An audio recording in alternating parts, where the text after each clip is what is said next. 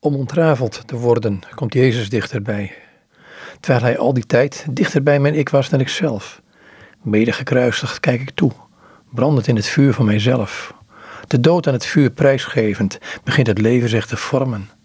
Het kwaad kan niet dan branden. Het vuur ben ik zelf waar Jezus geboren wil worden, zodat ik word wie Hij wil dat ik zijn zal. Ontraadseld dien ik te worden, zodat ik kan leven, brandend in het vuur van Zijn liefde. Een altaar dat het leven wekt.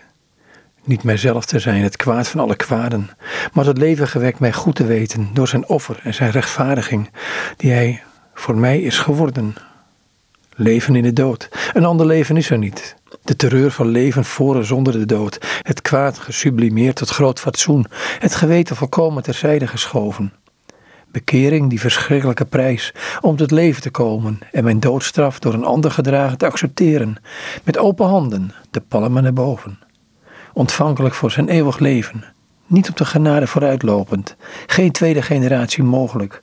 Onherroepelijk ieders dood ten leven. Om ontrafeld te worden, komt Jezus dichterbij. Terwijl hij altijd al dichter bij me was dan ik dat ooit zelf zou kunnen.